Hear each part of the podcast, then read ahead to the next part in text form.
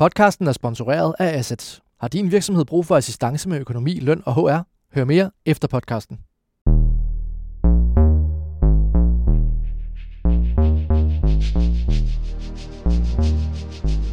Kære lytter, Carlsberg skal have ny topchef, og torsdag kunne bestyrelsens formand Henrik Poulsen så afsløre navnet på bryggeriets nye administrerende direktør. Det bliver Jakob Aarup Andersen. Altså Jakob Aarup Andersen, står i dag i spidsen for ISS. Det er kun tre år siden, at Jakob Aarup Andersen kom til ISS efter et lettere tumultarisk forløb på hans tidligere arbejdsplads Danske Bank, hvor Finanstilsynet ikke ville godkende ham som ny leder af banken. Men så blev Jakob Aarup Andersen ny topchef i ISS, og det var et presset ISS, som han kom til for tre år siden. Jakob Aarup Andersen skulle i gang med at lave en turnaround, og det arbejde er han stadig i gang med. Men nu rejser han altså videre til Carlsberg.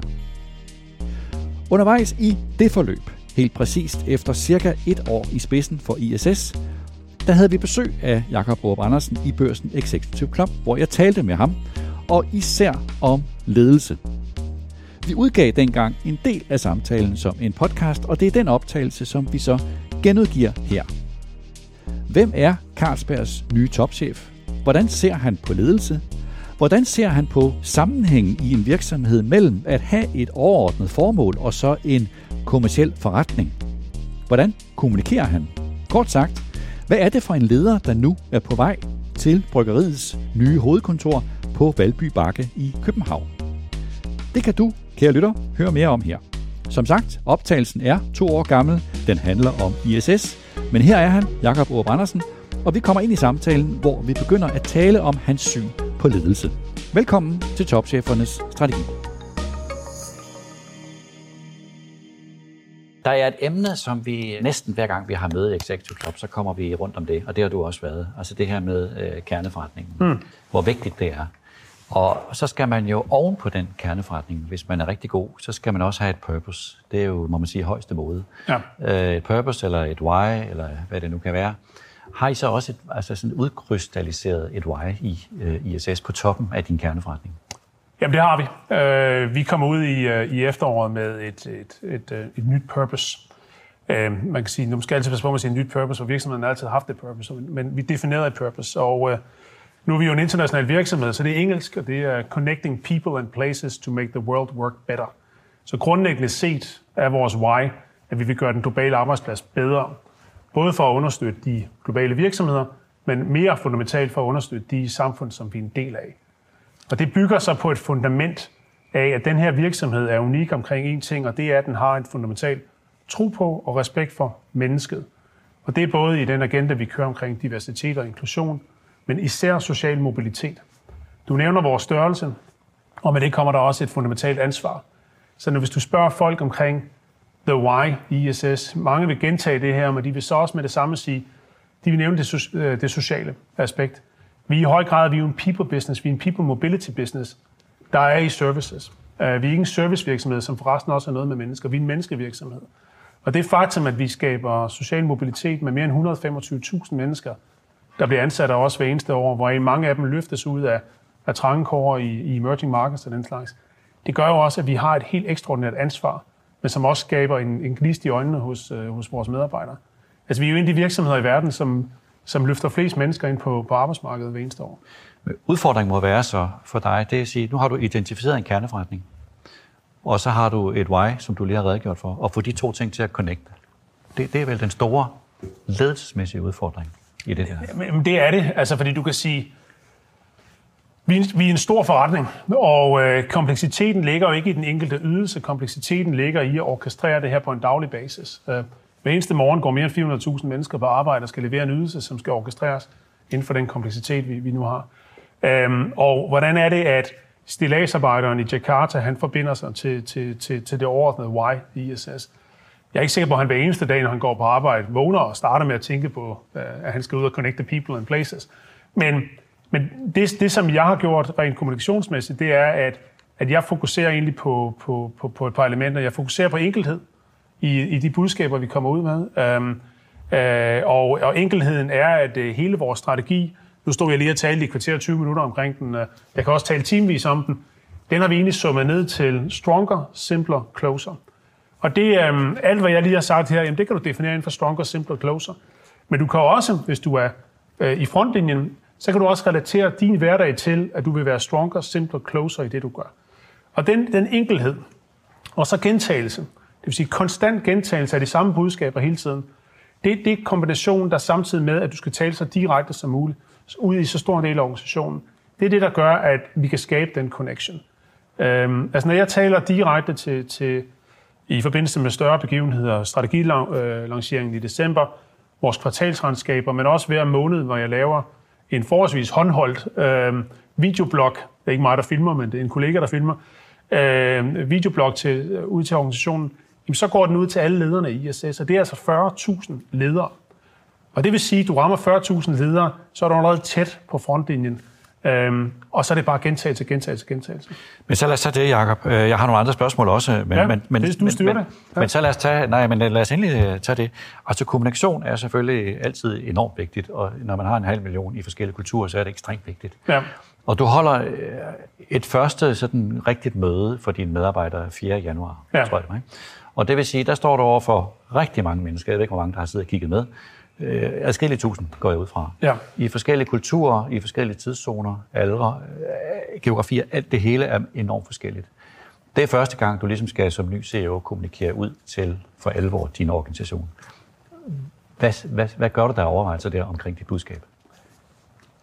Ja, det, det, er, det er spot on i forhold til, det er et af de største dilemmaer, du sidder med som leder for den her type virksomhed.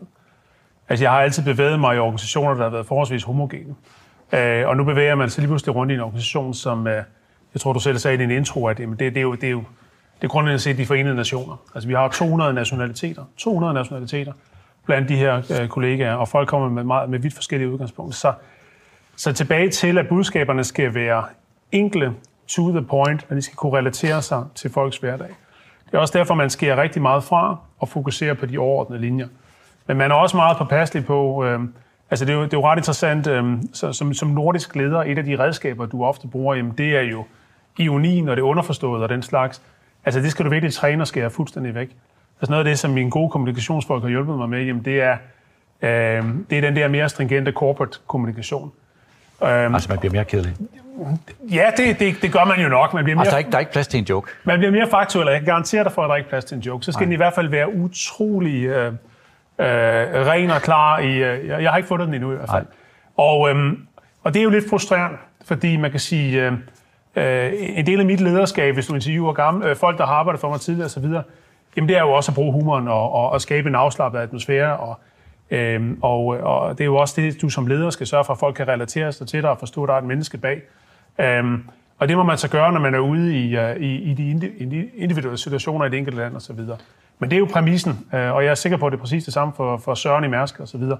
Man er nødt til at passe på i sin kommunikation. Men hvad sagde du så til dem? Altså sagde du til dem, at vi har de her KPI'er, og i næste kvartal, der skal vi nå de her procenter, eller hvad sagde du til dem? Nej, altså jeg har, hvis man, hvis man ser på store taler til organisationen, så var der 1. september, den dag jeg startede. Der var øh, december, da vi lancerede strategien, og så var der starten af januar osv. Øhm, og jeg har, øh, jeg har ikke talt KPI'er på noget tidspunkt. Jeg har talt, jeg har talt værdier. Øhm, jeg har talt om værdier, jeg har talt om virksomhedens fundament. Jeg har talt om mange af de aspekter, jeg lige stod og talte om i forhold til, at hvorfor det her det er mere end en virksomhed. Det er rigtig vigtigt for mig at skabe en connection med virksomheden. Folk skal ikke føle, at de går på arbejde for at hæve en løn og så gå hjem igen. De skal føle, at de er en del af noget unikt. Og derfor er det også utrolig vigtigt for mig at skabe en, for lack of better word, en baseline i forhold til, hvad er det for nogle værdier, den her virksomhed øh, øh, står for. Øhm, jeg holdt også en meget direkte tale på det tidspunkt og sagde, at hvis ikke man kunne leve op til de værdier, øhm, så var man nødt til at overveje, om man skulle være en del af den her virksomhed. Øh, de, de, de, alle store virksomheder, jeg har set i min, igennem min øh, karriere, øh, jamen de, er, de er kendetegnet ved, at de har et ekstremt fundament baseret på en værdibaseret ledelse. Altså de har en klar forståelse for, hvad, de, hvad værdierne er i den virksomhed.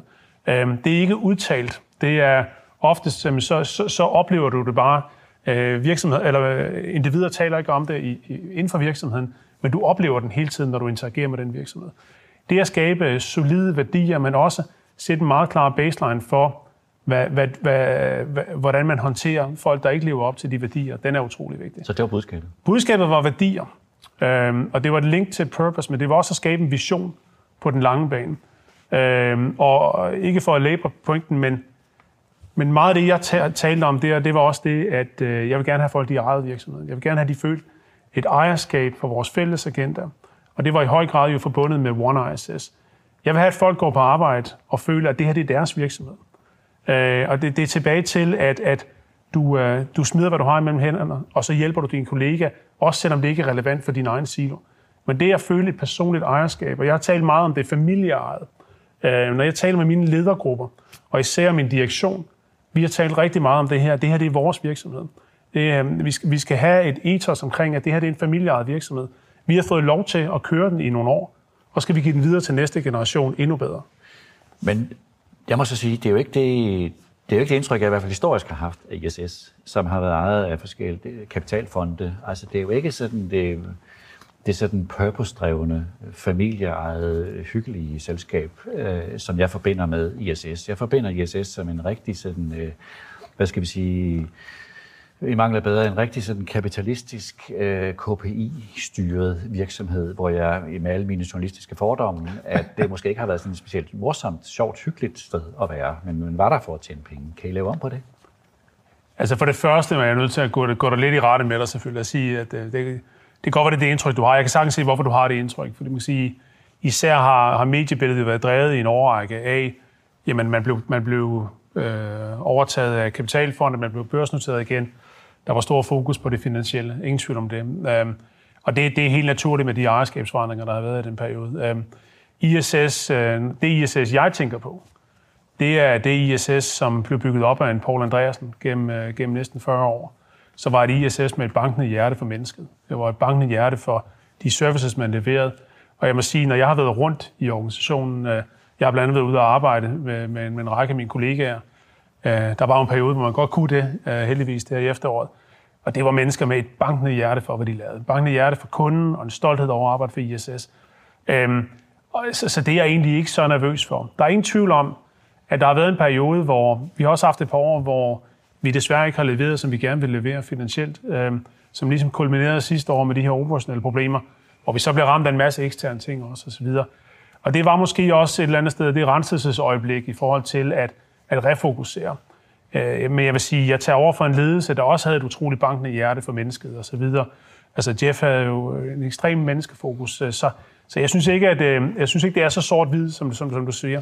Men min fokus er jo tone fra toppen. Altså, det er i alt, hvad jeg gør og hvad jeg siger, skal jo være fokuseret på lige nok det, vi sidder og taler om her. Og det er en agenda, jeg skal drive. Du har skiftet forholdsvis meget ud i din ja. øverste ledelse. Og øh, jeg tror, den er jo så stor, så din, din øverste ledelse, jeg tror, det er top 200. Ja. Øh, i, I top 200 har jeg forstået, der har du faktisk øh, ved udgangen af det år, vi er i nu, forventes at have udskiftet 40 procent. I din direktion på 12 vil du øh, snart have udskiftet halvdelen. Og det er jo ret voldsomt. Ja. Er det, jeg spørger åbent, er det nødvendigt at skifte så voldsomt ud? Hvorfor er det nødvendigt at skifte så voldsomt ud? Ja, det er rigtigt. Der er skiftet rigtig meget ud. Øhm, noget af det kommer naturligt, men, øh, men selvfølgelig er det, øh, er det et større tal, end du normalt vil se. Øh, der, der er flere elementer i det. For det første, så vi, vi står med en ny strategi, og med en ny strategi er der også brug for nogle andre kompetencer. Og især øh, nogle af de elementer, jeg stod og talte om før, jamen det er på teknologisiden, hvor der bare er brug for nogle helt andre kompetencer omkring teknologi. Øhm, det andet element, Øh, der driver det her, jamen det er, at vi i høj grad nu skal drive en global matrixorganisation i forhold til en mere øh, linjebaseret siloorganisation.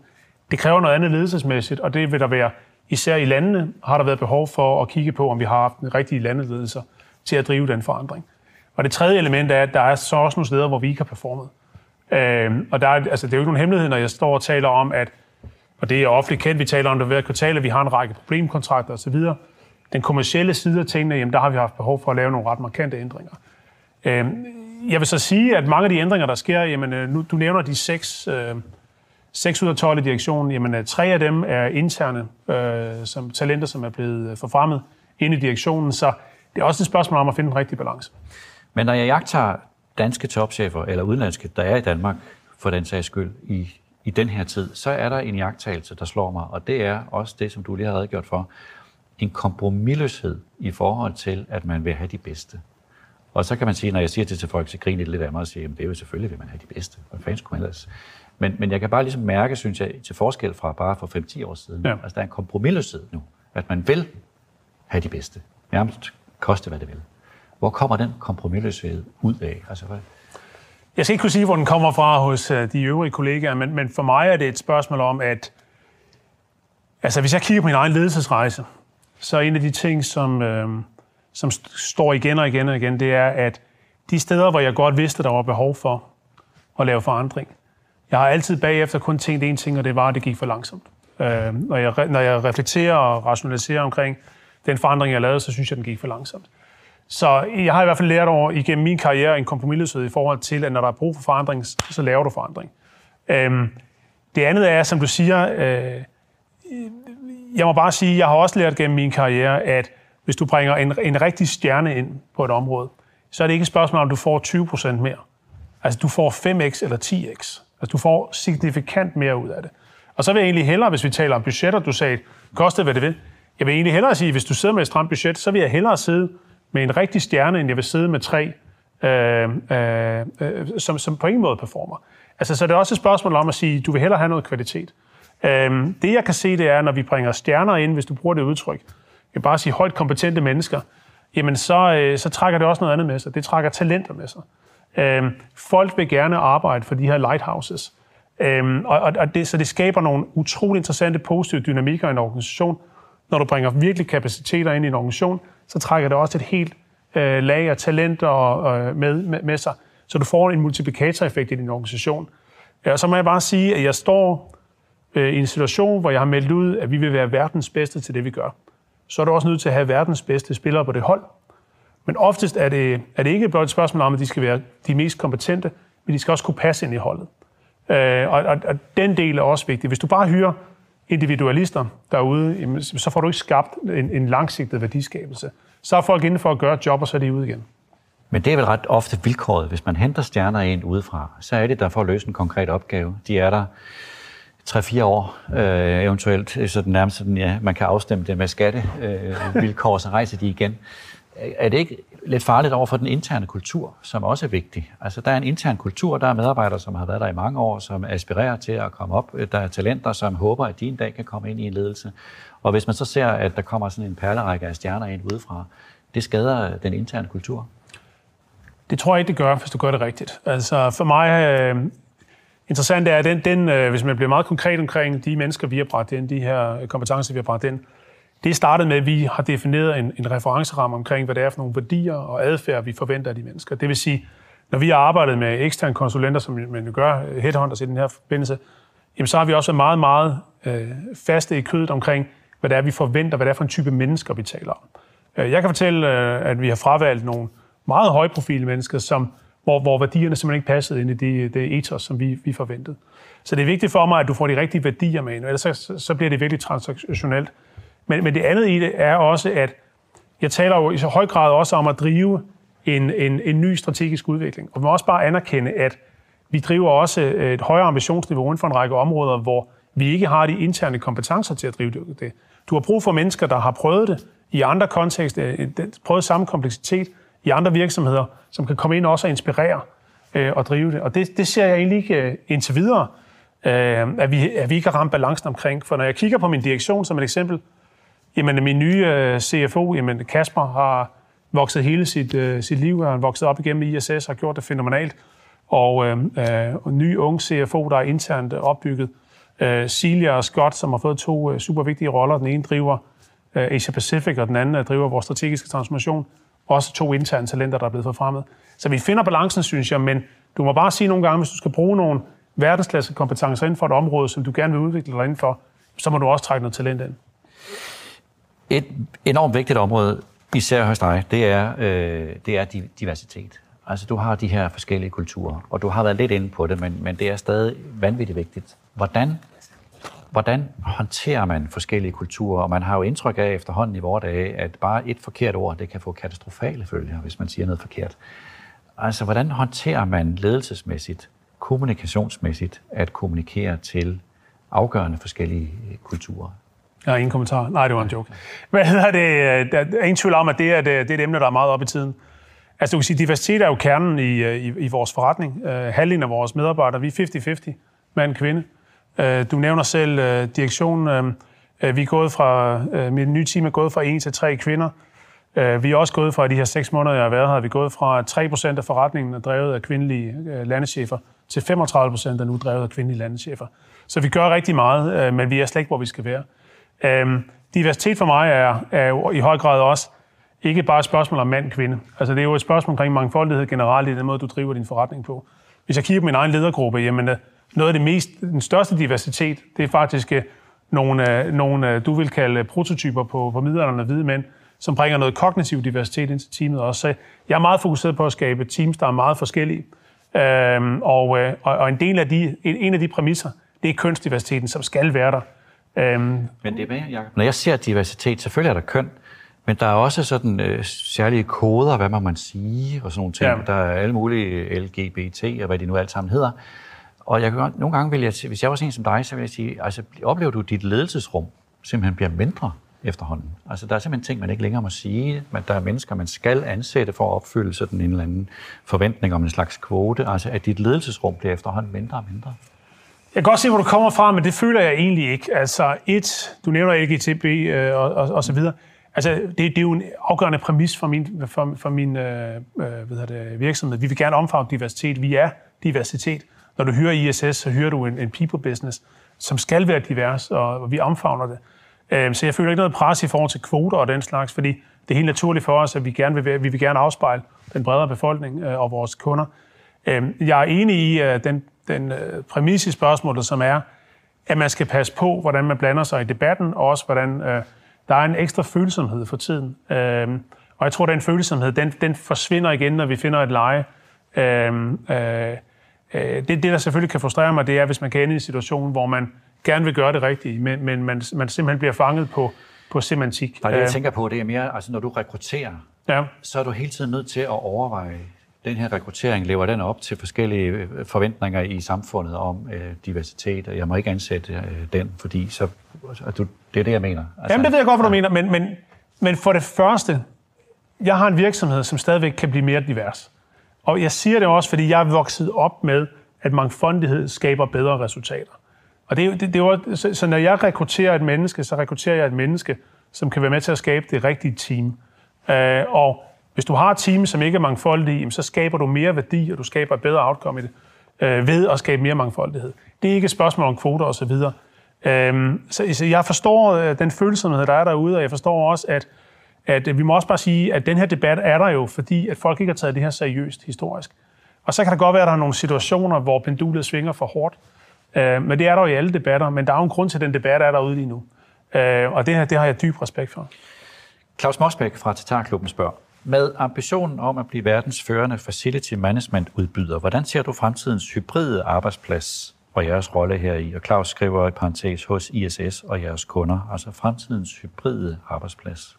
Ja, det bruger jeg, øh, Claus, det bruger jeg meget tid på. Øhm, noget af det, der er super interessant i det lige nu, det er, hvordan øh, fremtidens arbejdsplads den udvikler sig. Øhm, hvis, jeg, hvis jeg tager et skridt tilbage, inden jeg svarer helt konkret på spørgsmålet, så er det en, interessante anekdote er, da jeg blev annonceret i maj sidste år, der talte jeg med vores øh, 10 største kunder. Det er jo globale virksomheder, vi taler om, og nogle af dem er kendte, og nogle af dem er ikke kendte, øh, at, at vi, de er vores kunder. Og øh, hvis jeg skulle lave en, en hurtig øh, statistik på, hvad budskabet var, så var det nok, at omkring 40 procent af deres medarbejdere øh, ikke ville vende tilbage til arbejdspladsen, øh, når vi var på den anden side af covid. Så grundlæggende set en, en kraftig reduktion af kontorlandskabet og meget mere hjemmearbejde. Nu er vi i en situation, når jeg taler med de samme øh, kunder, så er budskabet det er meget mere nuanceret. Så nu taler de 15-20 procent måske. Det vil sige det, der svarer til, til en til halvanden dag om ugen, at man arbejder hjemmefra. Og hvorfor siger de det? De siger det, fordi det, de har oplevet gennem de sidste 7-8 måneder, er en eufori, der er blevet til en desperation. Altså, øh, man så i de første måneder, så man faktisk højere produktivitet og medarbejderengagement, da man arbejdede hjemmefra. Nu ser man lige netop det modsatte, øh, og man ser øh, en, en række reaktioner også i forhold til mental helbred og den slags i forhold til det, man ikke er på arbejdspladsen. Vi ser en hybrid arbejdsplads. Øhm, Post-covid, nu ved jeg aldrig rigtigt, hvornår vi er helt post-covid, men en post-covid-arbejdsplads, og det vil sige fra efteråret og frem, jamen de fleste større virksomheder, det bliver en fleksibel arbejdsplads, hvor du kan arbejde hjemmefra en til to dage om ugen. Det forventes også fra medarbejderen selv, at man kan være på kontoret i løbet af ugen, men man kan vælge en eller to dage, hvor man potentielt arbejder hjemmefra. Så vil der være især produktionsvirksomheder, hvor det bliver 100% tilbage, men mange kontorarbejdspladser, der bliver det muligheden for, at man kan arbejde hjemmefra og være mere flex omkring det. Det er i sig selv super interessant, fordi det skaber for virksomheder som os, skaber det jo et, et andet marked. Altså, jeg, jeg, jeg servicerer arbejdspladsen sådan set lige meget, hvor den er. Øh, og det andet element af det, det er, at, øh, at øh, vi ser en meget, meget stor efterspørgsel lige nu blandt de kunder, store kunder, der er på vej tilbage. Øh, især England og USA, hvor der lige nu bliver accelereret planerne. så ser en stor efterspørgsel efter, at de vil, de vil øge oplevelsen i, på arbejdspladsen. Det vil sige, det kan godt være, at de reducerer antallet af kvadratmeter, men de vil have øh, bedre madoplevelser. De vil også have bedre hygiejne, det vil sige, øh, de vil gerne have, øh, hvis jeg skal være Øh, hvis man er meget simpel omkring det, så er den, den gennemsnitlige øh, øh kunde i ISS har jo haft rengøring måske to-tre gange om ugen. Nu er det to gange om dagen. Og de vil gerne have, at medarbejderen går rundt foran deres kollegaer og gør rent og laver hygiejneløsning, i stedet for at de gør det om natten. Fordi rengøring er blevet en faktor. Det er blevet en medarbejder tilfredshedsfaktor. Øh, så jeg synes, fremtidens øh, hybrid arbejdsplads øh, er, ekstremt interessant for en virksomhed som os. Øh, ingen tvivl om, at kontorsegmentet øh, derude begynder stille og roligt at ramme et eller andet øh, medikum, der hedder en til to dages mulighed om ugen for hjemmearbejde. Ser du det her som en varig ændring post-corona? Ja, det gør jeg, og det, er ikke, det her det er ikke sådan en ignorant, øh, at nu er verden øh, anderledes øh, strukturelt, men jeg tror, det der, det der gør det her vejet, det er ikke det faktum, at folk har fået en god oplevelse ved at kunne flexe og dermed skabe en bedre work-life balance.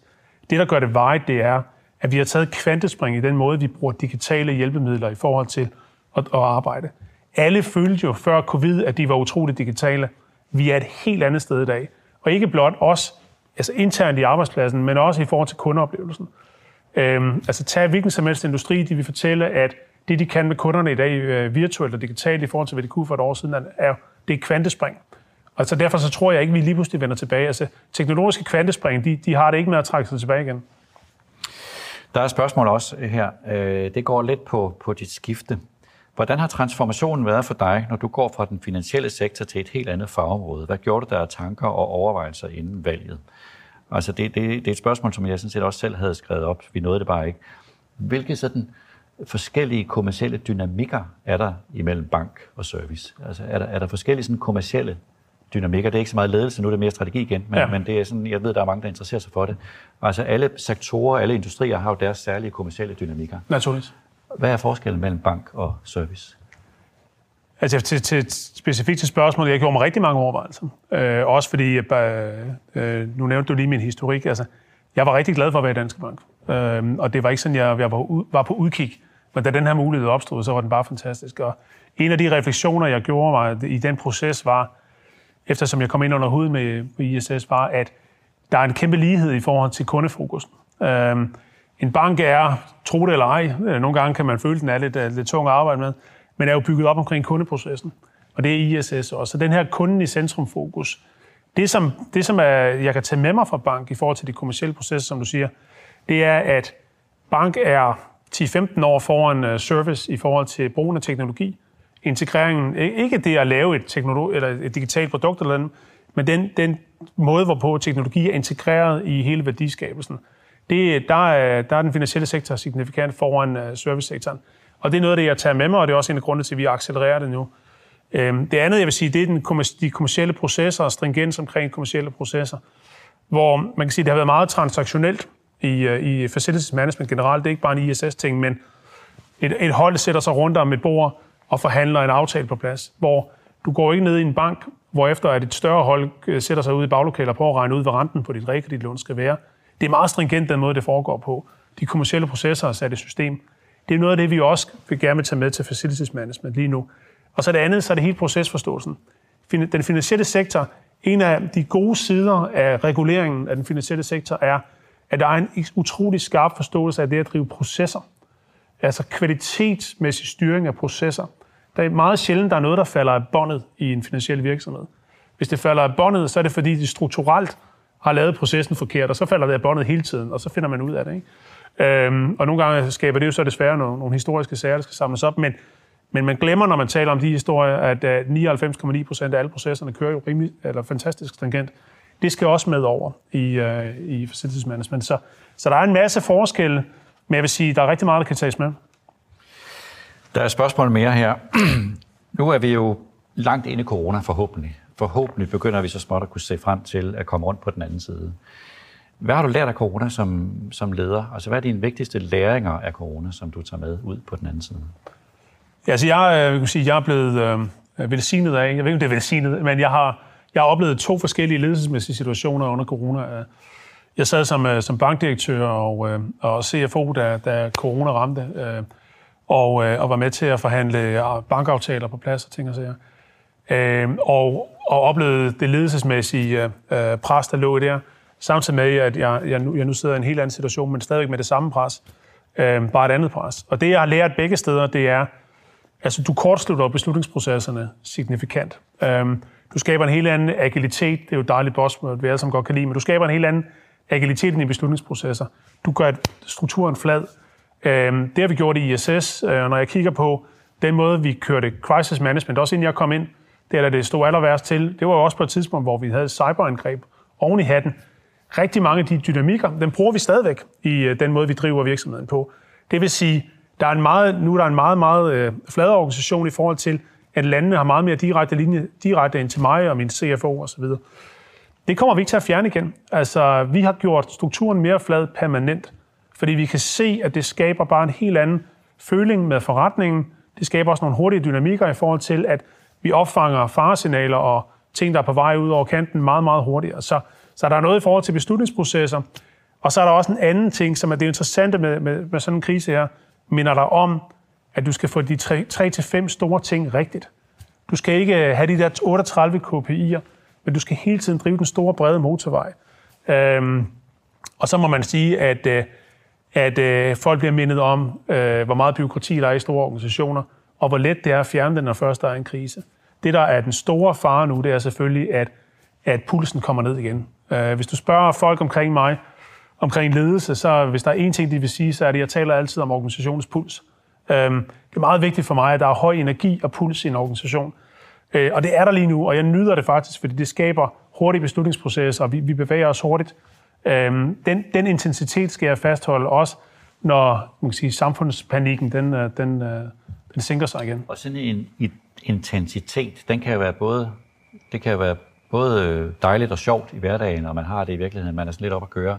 Det kan også være en stresset organisation. Hvordan, hvordan sikrer man, at sådan en intensitet er veje og og også opleves som noget positivt af folk? Det gør du, fordi du skal skabe intensiteten på den rigtige måde. Altså, øh, du du, jeg kan sagtens skabe dårlig intensitet. Jeg kan, jeg kan gå ud med hård ledelse og råbe og skrige folk og give dem urimelige deadlines og alt for høje ambitioner og den slags. Jeg prøver at skabe en, en organisation, der er bygget op omkring nogle fælles værdier og en fælles måde at gøre tingene på. Det er, det er den høje puls og, og, og, og energi, men det er også optimisme. Jeg, du skal kombinere de to ting med hinanden. Jeg har nogle fundamentale grundværdier, vi talte om tidligere omkring øh, ærlighed og øh, integritet og tillid, som det skal være bygget på. Men hvis du kombinerer den høje energi øh, i organisationen med en positivisme øh, og nogle høje ambitioner, som man er, man er fælles om, så kan du drive den intensitet på en god måde. Du må ikke være i en situation, hvor kroppen er ude i ekstrem adrenalin, og det øjeblik, at du sænker intensiteten, jamen, så bryder organisationen sammen. Det er jo en organisme i sidste ende, du driver. Øhm, og det, det er du nødt til at have en fokus på hele tiden. Men hvordan, altså det, når, du, når du er topchef for en halv million, det er godt, du kan ikke øh, have nogen fornemmelse af, hvad der sker helt ude på stilladset i Jakarta, men så i hvert fald de nærmeste 200. Ja. Hvordan fornemmer man som dig, øh, hvordan, hvordan har de det egentlig nu? Er, de, er der en positiv energi, eller er de i virkeligheden, hvordan sikrer jeg, at arbejdsmængden, jeg lægger ned over dem, den er passende? Altså, ja, og, og det, det, er jo, det er jo den store balance. Altså fordi i sidste ende, når du sidder med så mange ansatte, så er mit job jo ikke at drive virksomheden. Mit job er at orkestrere virksomheden. Uh, mit job er jo, min, min, min allerstørste opgave er, at jeg orkestrerer virksomheden og vores arbejde på en måde, og vores ressourcefordeling og vores fokus på en måde, hvor de her top 200 ledere, de fungerer optimalt. For sidst den driver de virksomheden ud. Øhm, og, og den fokus er, er super relevant. Det jeg gør, det er, at øh, jeg, udover at, at jeg sidder med min direktion og bruger meget tid direktion, så bruger jeg meget tid på at gå ud i forretningen. Det vil sige, at min kadence er også, at jeg har one-on-ones med samtlige landechefer. For jeg er nødt til at føle landet hele tiden, for det er derude, tingene sker. Og det gør, at, at jeg har fået en helt anden kadence op at køre med, med dem. Så kan det godt være, at øh, man skal arbejde med kulturen. Der findes øh, især old school landeschefer, som har det med at prøve at fortælle dig, hvad du gerne vil høre. Vi arbejder rigtig meget på transparensen. Taler hver gang, jeg taler og kommunikerer til organisationen, taler jeg om transparens. At vi skal, altså, det er Monty Pythons gamle Bring Out Your Dead. Altså, vi vil hellere høre om, hvad der ikke virker, end hvad der virker. Øhm, og så hele tiden have den der kadence, hvor folk føler, at, at, at transparens, det er faktisk noget, man sætter pris på. Øhm, nogle af de problemer, vi sidder med i dag, øh, operationelle, nogle kontrakter, der er gået galt osv., hvis de er blevet flade fra starten af, hvis folk objektivt fra starten af havde fladet dem, så havde vi kunnet håndtere dem på en helt anden måde. Øhm, men selvfølgelig slår man skæver der. Altså det gør man jo. Og så, og så får du reaktionen i organisationen. Men vi taler meget om det i ledelsen, også i forhold til, at de skal være meget opmærksomme og arbejde med det i deres ledelse, fordi jeg kan ikke alene øh, drive det. Tak, Jakob. Fantastisk. Tusind tak for det, du Det var en fornøjelse.